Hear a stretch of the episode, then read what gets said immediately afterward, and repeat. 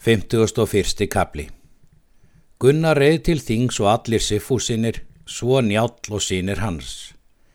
Þeir gengu með Gunnari allir og var það mælt að engin flokkur myndi jafn harsnúin þeim.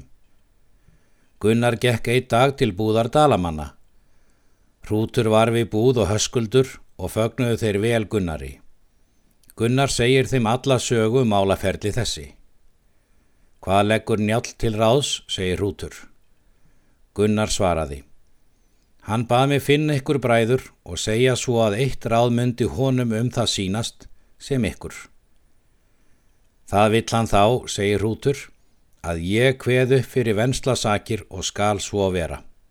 Þú skalt skora holm gissur í kvíta ef þeir bjóða þér eigi sjálfdæmi en kolskeggur geiri goða en fást munu menn til að gangað móti ótkalli og bræðurum hans. Og höf er nú lið svo mikið allir saman að þú mátt framkoma slíku sem þú vilt. Gunnar gekk heim til búðar og sagði njáli. Slíks var mér von, sagði njál. Úlfur Örgóði var vís þessar ráðagerðar og sagði Gissuri. Gissur mælti til Ótkjáls. Hver lagði það til ráðs með þér að þú skildir stefna Gunnari? Skamkjell sagði mér að það væri ráðagerð ykkar ger skoða, segir Ótkjell. En hvar er mannfíla svo, segir Gissur, er þetta hefur logið. Hann liggur sjúkur heimað búð, segir Ótkjell.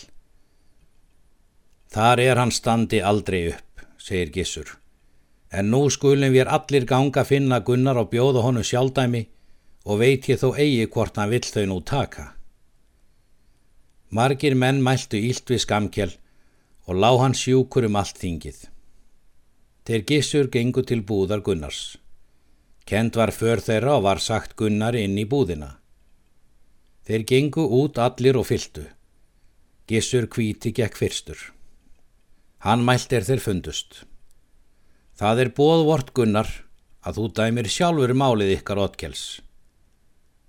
Fjarrir mun það þá þínu ráði, segir Gunnar, er mér var stemt.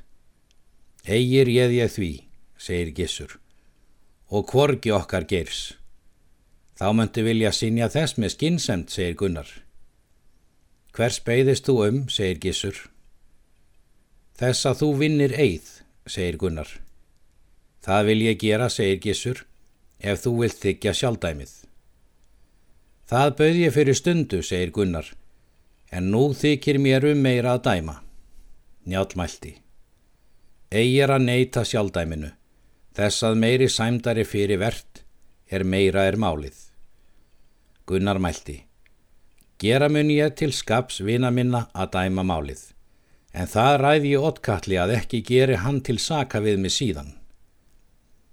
Þá var sendt eftir höskuldu og hrúti og komu þeir þanga til.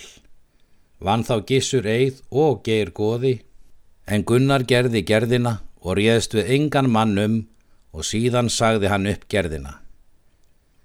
Það er gerð mín, sagði hann, að ég geri verð hús og matar þessir inni var, en fyrir þrælinn vil ég þér ekki bæta, þar er þú leindir anmarka á honum. Geri ég hann þér til handóatkjall, því að þar eru eiru sæm sem óksu. Met ég svo sem þér hafi stemt mér til háðungar og fyrir það dæm ég eigi minna til handa mér, en hvert er þetta fjö, húsið og það er inni brann. En ef yfir þykji betra að við er séum ósáttir, þá læt ég þess enn kost en gert hef ég þá enn eitt ráð, fyrir mér og skal það þá framkoma. Gissur svarar, það viljum að þú gjaldir ekki fjö, en þess beigðum við að þú sért vinur Otkels.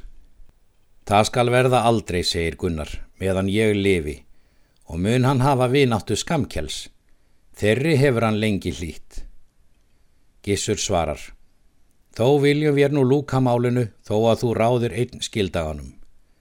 Voru þá hansalagar þessar sættir allar. Gunnar mælti til Otkels. Ráðlegra er þér að fara til frænda þinna en ef þú vilt vera þar í sveit þá ger þú ekki til saka við mig. Gissur mælti. Þetta er heilræði og skar hann svo gera. Gunnar hafði mikla sæmda af málinu, riðu menn síðan heim af þingi. Situr nú Gunnar í búi sínu og er nú kyrt um hríð.